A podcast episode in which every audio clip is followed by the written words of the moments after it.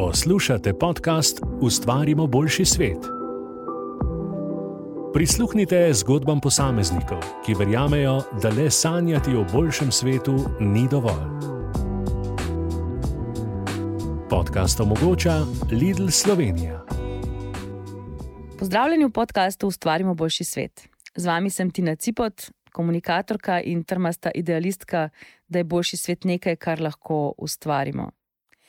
Afriški pregovor pravi: če hočeš iti hitro, pojdi sam, če hočeš iti daleč, pojdi skupaj. Pa vendar se trajnostne transformacije, spremenjanje samega sebe, svojega življenja, svojega dela, organizacij, da bomo poskrbeli tudi za spremembo sveta na bolje, moramo lotiti tudi hitro, ne le skupaj. In to že danes. Pravzaprav bi moralo biti že včeraj. In to je tudi nekaj, kar moramo narediti vsi skupaj. Mi bo zagotovo prikimala moja gostja v tej epizodi podcasta Ustvarimo boljši svet, Ana Struna Bregar, izvršna direktorica Zavoda CER, Partnerstva za trajnostno gospodarstvo Slovenije. Partnerstva, ki vključuje vse več podjetij in organizacij, ki so prepoznale, da se nam čas izteka, če ne bomo nekaj takoj, zelo kmalo naredili. Malce dramatičen začetek, ampak je res, kaj ne Ana.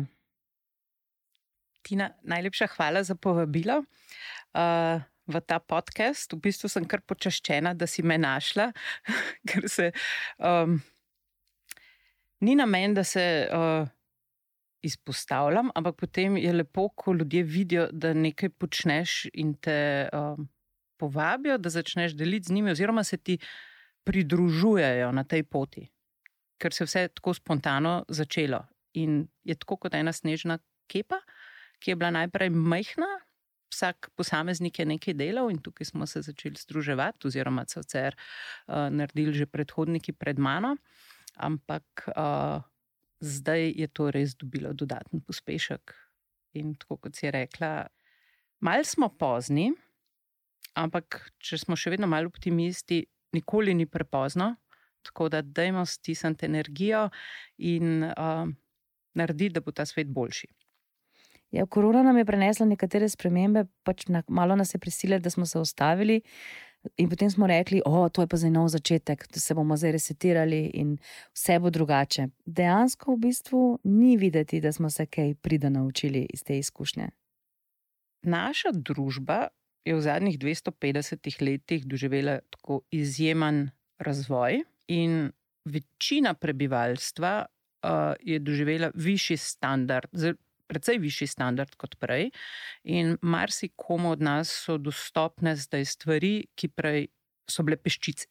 Od tega, da imamo topla stanovanja, vodo, sanitarije, te osnovne stvari, ki jih sploh ne, ne vidimo več, jih jemljemo za čisto samoumevne, da luč pržgemo, da gremo takoj v trgovino, katero koli hrano, z katerega koli dela sveta nam je dostopna, oblačila, instant moda.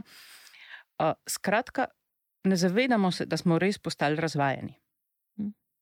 In temu ugodju, če prav malo tako slišimo, uh, da so težave, da je podnebna kriza, da je onesnaževanje, se v bistvu nismo pripravljeni odreči. Težko greš iz boljšega na slabše. Zakaj iz boljšega na slabše? Zakaj ta percepcija, da se moramo dejansko potem tako veliko nekemu udobju odpovedati, pa je čisto res, ali pravzaprav gre tukaj samo za spremembo nekega mindseta? V bistvu gre za vrednote. Ne? Kaj mi smatramo, da je boljše? To, da imamo več, da kupujemo več, da trošimo več, da nas ta instant uh, potrošništvo zadovoljuje. V nedeljo, mislim, da zdaj ne več v nedeljo, v soboto so šoping centri polni, kulturne ustanove so prazne. Včasih je bilo obratno, um, v vrednotah je stvar. Kako pa to spremeniti, bo kolektivna, naša kolektivna moč mogoče šla v to smer, ampak tako kot vidimo, um, recimo v krizah se družba aktivira uh mhm. -huh. in tudi države. In zdaj smo priča, bili smo priča COVID-u, kjer se je svet globalno zorganiziral. Mhm. nekak, da ga je probal virus ustaviti. Potem smo zdaj februarja upali, da bo COVID-a konc in da bomo spet šli nazaj na staro, na star način življenja. In se je zgodila vojna v Ukrajini. In vsakič, ravno sem brala v bistvu eh, eno knjigo eh, kanadske filozofinje, kjer ima zelo dobro napisano, da v času vojen, v času um, teh varnostnih, ko, ko varnost zaškripa, se države zelo dobro zorganizirajo. In je kolektivna zavest. In se je zdaj uprlo, sankcije so se uvedle. Kakšna bo mogla biti ta podnebna kriza, da bodo države odreagirale? Da bomo ugotovili, da je to pravzaprav vojno stanje. Ker, če pogledamo številke tam, kjer se res zgodijo, že, in recimo, zdaj smo bili tudi priča že malo zopet suši uh -huh. v Sloveniji. Na srečo je začel dež, spet bo hrana, če ne bojo prišle neke naravne nesreče, ampak bojo prišle. Mi se moramo zavedati, da te stvari se slabšajo. In družba je ogromna, raste, potrošnja raste, ampak tukaj, če se vrnem na to kolektivno uh, ukrepanje držav in potem posameznikov, vidimo, da znamo to narediti. Uh mhm. -huh. In jaz upam, da bomo znali to obrniti ne samo, ko bo vojna, vojno stanje, ampak da bomo znali zdaj vseeno to narediti vsi in odreagirati in spremeniti, ker smo pa v fazi, mislim. Priča smo bili tudi različnim uh, industrijskim revolucijam, ki so sistem družbe zelo spremenili. Uh mhm. -huh. Najprej je bila agrarna revolucija, kjer se je začelo kmetijstvo, več hrane, s tem se je začelo rast prebivalstva. Sledila je industrijska revolucija, um, uh, industrializacija, hm. sledila je uh, digitalna revolucija, in zdaj lahko rečemo, da smo v času podnebne revolucije. Oziroma, bi se morala zgoditi. Tako. Se že dogaja? Tako se dogaja, ampak dejansko prepočasi. Ne morem se izogniti razmišljanju, da se človeštvo obnaša kot posameznik, ki ne skrbi za svoje zdravje in ima številne nezdrave navade. Sicer nekaj sliši in ve o nevarnostih, ki mu grozijo, a se šele, ko se mu nekaj primeri, da nima infarkt, morda smrtonosna bolezen, zave, da gre pravzaprav za njega, za njegovo življenje. Ekološke katastrofe, naravne ujme nas vsake toliko malo predramijo, pretresajo, a kmalo spet zapademo v svoje običajno delovanje kot da ne moremo narediti nič. Kdo je tisti, ki je odgovoren, da resnično nekaj spremeni? Vprašam svojo sogovornico. Glede odgovornosti, moramo biti najprej odgovorni sami do sebe. In če smo odgovorni sami do sebe, pač v skladu z nekimi normami poštenosti, sočutja, pa bomo odgovorni tudi do družbe. Zdaj, vsak od nas se rodi kot nepopisan list. Ga neka kultura oblikuje, družbena, v kateri raste ali karkoli. Ampak vsak od nas je sam odgovoren, kaj bo naredil. Imamo tisoč in en izgovor zdaj le, um, zakaj nekih stvari ne naredimo, ki bi bile trajnostne, če se ostanemo pri tej temi. Um, pa rečemo, ne vem. Bom jutri, nimam časa, to se me ne tiče, jaz sam nič ne morem narediti. Um, dejansko imam, bo, bo nekdo drug, to presega moje zmožnosti. Uh, in delamo kot običajno, ne? tudi gospodarstvo je v nekem toku, kjer so trenutno trajnost, v bistvu, marsikdo tudi zelo abstraktno pojmuje. Uh mhm. -huh. In šele v zadnjih letih prihaja malo bolj do uh, poudarka, da je trajnost merljiva. Čeprav je mhm. merljiva že dalj časa, ampak pač zaradi gospodarskega sistema, kakršnega imamo, so bili kriteriji uspešnosti finančni kazalniki. V trajnosti so kazalniki, uh, kakšen je odtis, bodi si posameznika ali podjetja na okolje. Uh mhm. -huh. Ne? Torej, kakšen odtis puščam, kaj, mečem, kaj imam, uh, kako se obnašam z energijo, kako se obnašam z odpadki, materijali, uh, ponovno uporabo, reciklažo, uh, kakšen odtis imam na družbo. Mhm. Kako se obnašam do sebe, do so ljudi, do lokalnega okolja, do kamor potujemo, kaj tam počnemo. Ne? In še ta tretji vidik, torej ta triperesna delca trajnosti upravljanja, ne? Kako imam sploh odnos do tega. V podjetjih govorimo o vodenju, ampak tudi vodenje družine, vodenje sebe se tukaj smatra in so KPI, ki so merljivi. In uh, Evropska unija je prva, ki začenja te trajnostne kriterije uvajati um, v obvezno uh mhm. -huh. poročanje podjetij in vleče za sabo cele dobavne verige, in tudi potrošniki začenjajo terjati te kriterije, um, kazalnike od podjetij, in postajamo bolj občutljivi na to, kako je nekdo trajnosten. In zdaj odgovornost, vprašala si, ali so veliki, ta močni, bolj odgovorni. So, po eni mm. strani. Absolutno. In tukaj govorimo o tem vodenju. Kakšne kriterije bojo, bo vodstvo, bodi si državi, podjetju, organizacijah ali pa družini postavljalo. In potem bo seveda vsak posameznik mu to odgovornost realizirati. Zdaj, roko na srce, vso tehnologijo imamo, da bi trajnost, podnebno neutralnost dosegli.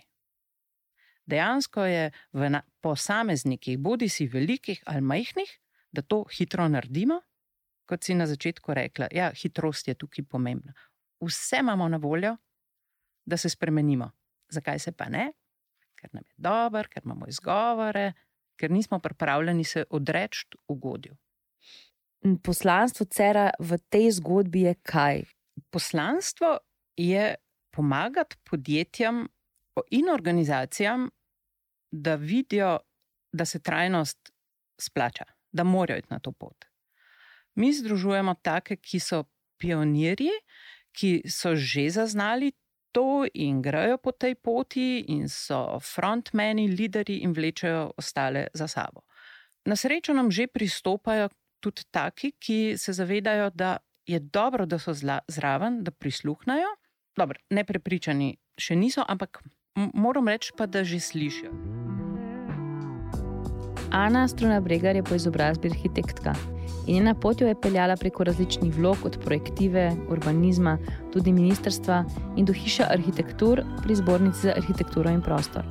Tam je skupaj s kolegicami oblikovala program Igriva arhitektura, posebne delavnice, v katerih so se otroci in pedagogi učili v prostoru. Saj ne na zadnjem v zaprtih prostorih preživimo več kot 90 odstotkov svojega življenja. In kot pravi Ana, se sploh ne zavedamo, kakšen vpliv imajo na naše zdravje, dobro počutje, občutek varnosti in tudi uspešnost. Ko je na to nastal še festival Odprte hiše Slovenije, ki je prerasel največji arhitekturni festival in je del mednarodne mreže, se je njena pot prepletla z zavodom CER in ostalo je zgodovina, bi lahko rekli.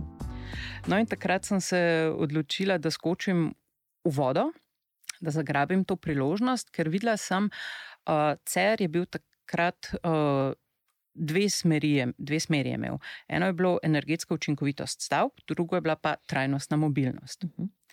uh, moja vizija, ki je verjetno izhajala tudi iz moje pretekle uh, izobrazbene in poslovne poti, ker sem na fakulteti končala smer urbanizma, sem videla veliko širšo zgodbo. Ne? Da je tukaj potencial ne samo gradno, pa za mobilnost, ampak za vse sektorje da vsi, to, je ne, to, to je več sistemov, ki so med sebojno povezani, in tak predlog sem naredila, da uh, ocenjujem, da govorimo pravzaprav o trajnostnem razvoju družbe, mest. Um, Energetiki, digitalizaciji, financah, zdravstvu, šolstvu, da vsi bomo mogli nekaj spremeniti. No, in tako smo v bistvu, sem v bistvu nastavila uh, vizijo CERA, in uh, svet zavoda mi je zaupal, dali so mi relativno proste roke. In s to idejo sem potegnila za sabo kar nekaj res izjemnih sodelavcev, ki so prišli. Tako da jih lahko uh, omenim od Žigata Čebulja, Špele Kržišnik Mesarič, Petr Kandus, Mateje Treven. Skratka, res posamezniki, ki smo se začutili, da si želimo iste. Um, istih aktivnosti, isto poslanstvo narediti. In uh, tako da v zdaj, nekaj letih je, smo s CERom dejansko zrasli iz 17 članov, ko sem prišla na 100. Uh, pridružujejo se nam že sami od sebe, od podjetij do drugih organizacij, ampak osnovno poslanstvo, kot je rekel, da sem malo opisala zgodbo, kako je prišlo do tega, ne, je pokazati neke dobre rešitve in dati izkušnjo. Res praktično izkušnjo, ker edino tako se lahko odločiš, da greš zraven. In uh, zato, ker te izkušnje ponujamo in znanje, prihajajo zdaj organizacije, ker jim na enem mestu to trajnost, ki je po eni strani pojmovana abstraktno, prevajamo v nekaj konkretnega, ki jim lahko pomaga, da so boljši, da imajo boljše rešitve, da delajo s poslanstvom in da imajo boljši odtis na okolje in prostor. Ali imamo Mislim, sicer drugo. posamezniki ali pa imajo posamezniki v organizacijah in podjetjih sploh dovolj znanja za kaj takega? Ja, nimamo ga dovolj. O, to je dejstvo. In naši učni programi so v času, ko smo mi um, študirali, seveda nas niso pripravljali na to sistemsko. Uh, je dejstvo, kar opažam, da določene izobraževalne ustanove se začenjajo tega sistemsko že lotevati in uvajati ta znanja. Uh, tako da tudi jaz osebno sem v zadnjih uh, petih letih šla kar skozi nekaj tečajev, kurzov, ja, uh, ki so mi zelo pomagali ukviriti znanje oziroma pogledati na to razpršenost. Vsak ima svoja, um, svoje potrebe, kako to kompleksnost trajnosti dati na en relativno uh, enostaven imenovalec. Mhm. Razumeti to dejansko kot eno strukturo, in potem vsakemu pomagati, glede na potrebe, ki jih ima. Zdaj, v CER-u se trudimo našim partnerjem ponujati izobraževalne programe ali pa vsaj serije o nekih krajših dogodkov, da se lahko različni zaposleni udeležujejo, ker eno znanje mora dobiti vodstveni kadri, razumeti zakaj, kako, da potem uh, menedžerjem usmerjajo operativnim, v katero smer, oziroma to, to je dvostranski proces. En je od zgoraj dol, da v to verjameš, da daš uh, podporo, moč, sredstva, na drugi strani marsikdo, uh, ki je na operativnih pozicijah, ima tudi zelo specifična znanja, ki podpirajo iz druge strani um, ta proces. In tako kot sem prej omenila, Evropska unija tukaj nastavlja obveznosti že za mhm. podjetja in obvezno poročanje, torej ima že zelo natančno spisana, da bo podjetjem v pomoč bojo ti standardi trajnosti. In zato smo se v CER-u tudi um, odločili, da podjetjem pomagamo. In smo razvili um, digitalno orodje, ki je hkrati tudi potem certifikat, priznanje, Green Star, uh, ki pomaga skozi 120 vprašanj podjetja voditi po eni strukturirani mhm. poti, kaj je trajnost, kaj naj v svojem podjetju ali organizaciji uh, sploh pogledajo, in potem, seveda, na specifično situacijo svojega posla določijo prioritete, ker niti dve podjetji nista enaki. Uh mhm. -huh. in, uh, ampak vsaka mora to svojo materialnost, kaj je za njo bolj pomembno, uh, ovrednotiti, opredmetiti in se fokusirati. Ampak seveda, zdaj, ko ti standardi trajnosti postajajo unificirani, se bomo lahko. Bomo lahko začeli podjetja in organizacije primerjati, kako so mhm. uspešne, bodi si z vidika vpliva na okolje, bodi si na družbo, lokalno skupnost. So neki kriteriji, ki bojo primerljivi, in tu jim pomagamo zdaj z orodji, drugo je, da jih bo regulativa sila v to smer, in skratka, je ta tsunami pritiska, kjer je pa dobro, da se vsi zavedajo in iščejo po najboljših močeh svoje kompetence. V najnem pogovoru se seveda nismo mogli izogniti tako imenovanega greenwashinga, zelenega pranja, zelenega zavajanja, kar pomeni neutemeljene, zavajajoče ali napihnjene trditve organizacij o tem, kako so skrbne do okolja, kako so bolj trajnostne, pri čemer pa tega ne podprejo z resničnimi številkami, ukrepi, kazalniki. Kot smo z Ano v pogovoru že nekajkrat izpostavili, trajnost je merljiva in dokazljiva. Mi pri naših članih oziroma tudi širše, opažamo, da je zelo pogosto trajno, so za trajnost odgovorni oddelki za komuniciranje in PR. In jim skušamo pač pokazati, da to ne sodi samo tja, da v bistvu na koncu sodi tudi tja. Ampak, če štartamo samo iz PR-ja, pa komuniciranja, potem pridemo res zelo hitro do greenwashinga. Vse pa začenjajo spremembe. Ne? In jaz upam, da bodo pritiski in kazni, uh, ta tveganja, tako velika, da si podjetja tega ne bojo več upala privoščiti. Pogovarjava se v bistvu o um, podjetjih, pogovarjava se o nekih, nekih poslovnih skupinah in podobno, ampak kaj pa ne gospodarski sektor? Uh, zdaj, tukaj je zelo pomemben nevladni sektor. Uh -huh. ne? uh, za te spremembe nujn, je nujen obstoj okoljskih nevladnih organizacij, ki so že iz 60-ih let prejšnjega stoletja rinile in opozarjale na onesnaževanje prostora. Uh, recimo, tudi okoljska zakonodaja je odraz tega. Ne na zadnje, 1800, pa še ne vem koliko, uh, je bil v Londonu tako onesnažen zrak, da so ljudje umirali, živeti niso mogli. Uh mhm. -huh. In takrat je recimo prvič nastal uh, zakon za zaščito zdravja uh, in zraka, in so mogle tovarne, industrija spremeniti delovanje, da so imeli manj vpliva na okolje. Potem začele so se inicijative za zavarovanje nacional, nacionalne parke. V Ameriki, v Evropi, ker so začeli skupine spoznavati, da morajo varovati, da je ta vpliv gospodarstva uh, premočen in te aktivistične skupine, ki so, je prav, da so in morajo biti, dajo dodaten pospešek v to smer.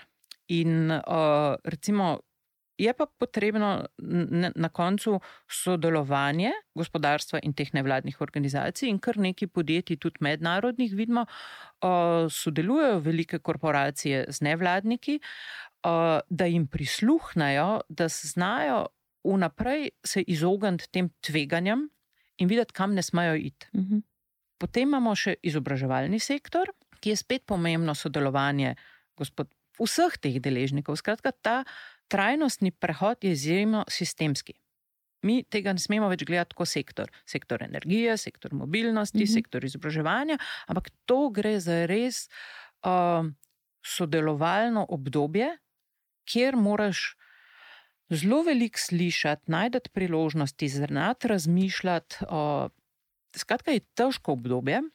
In uh, zanimiv mi je bil tukaj, ravno zadnjič sem poslušala Slavo Žižek. Ne, uh, uh, je rekel, da je uh, zmerni pesimist. In sem si tukaj zapisala, naj pa bom prebrala, da je rekel, da sem pesimist v smislu, da se približujemo nevarnim časom, ampak sem optimist iz istih razlogov. Pesimizem pomeni, da se stvari zapletajo, optimizem pa pomeni, da so ravno v takih časih možne spremembe. To je to tisto, kar sem čisto na začetku omenila. Ja da ko pridemo do neke kritične točke, pa znamo reagirati. Ja. Vprašanje pa je, kako kritična mora ta točka biti, da bomo nekaj naredili. Kje so tukaj mladi? Absolutno moramo mlade bolj vklopiti v to sodelovanje, v bistvu se tudi jim prisluhniti. In po eni strani mislim, gre za prenos sinergij med generacijami. In ja, mi bomo šli, oni bodo za nami, in oni bodo predajali naprej svojim generacijam. Uh, veliko odgovornost imamo mi, da, ker se že zavedamo, torej naša generacija, ta, ki zdaj živi na svetu, je tako pred res izjemno težko nalogo. Evropska unija je postavila vizijo postati podnebno neutralna država do leta 2050 in zmanjšati emisije, izboljšati vpliv na okolje in družbo do leta 2030. To je osem, manj kot 8 let od mhm. danes. Načeloma je na voljo toliko sredstev, kot jih ni bilo še nikoli v zgodovini človeštva, da bi to naredili. In zdaj moramo vse generacije zagrabiti ta vlak in narediti to spremembo. In tako kot v družini, vsi smo del celice, in vsak ima pa svoje odgovornosti v tisti skupini, vsak ima svoja znanja in um, jaz upam, da. Bo, mislim, da nam bo uspelo, da ne bomo generacija, ki se bo zapisala v zgodovino, ki je uh, bila neuspešna pri svojem poslanstvu. Jemljemo to kot svoje poslanstvo? Ne, jemljemo, ne jemljajo ga vsi, ne jemljemo. Mislim, tudi, jaz imam še ogromno enega potencijala. Um, ja, ne jemljemo ga. Ampak recimo, da ostajam zmerni pesimist ali optimist. V zaključku najnega pogovora Ana povabi, da si vsak zase čim prej izračuna, kakšen je njegov uglični vtis. In ga na to z malimi koraki, pa vendar strajno, skuša zmanjševati. Recimo, zdaj že drugo leto merim svoj uglični vtis. Zdaj sem rekla še otrokom, da sploh razumeta, katere stvari morata pogledati, da vidita, kakšen je vtis na okolje. Obstaja ogromno nekih prostovoljnih uh, online spletnih kalkulatorjev. Uh, eni so malo bolj poglobljeni, eni manj, tako da lahko štar, začnete z takimi osnovnimi. Ampak uh, začnimo meriti, koliko smo trajnostni, in predvsem si zadati potem cilj, ko zmeriš, si lahko šele zadaš cilj, da do konca tega leta za 10% postanemo bolj trajnosti na okolju, na družbi in pri vodenju. Draga poslušalka, dragi poslušalec podcasta Ustvarimo boljši svet. Zahvaljujem se ti za čas, ki ga namenjaš boljšemu svetu. Vsak med nami je del neke celice, v kateri se lahko odločimo, da bomo bolj odgovorno, bolj trajnostno živeli in ravnali. To lahko prenesemo tudi v delovna okolja, ker ponovno skušamo vplivati na sistem in ga spreminjati. Zakaj? Zato, da ta svet pustimo še generacijam za nami, ukolikor se da v dobri obliki. Se slišimo k malu. Ne zamudite novih epizod podcasta Ustvarimo boljši svet. Naročite se na Applevi ali Googlovi platformi za podkaste, pa tudi na Spotifyju in Deezerju.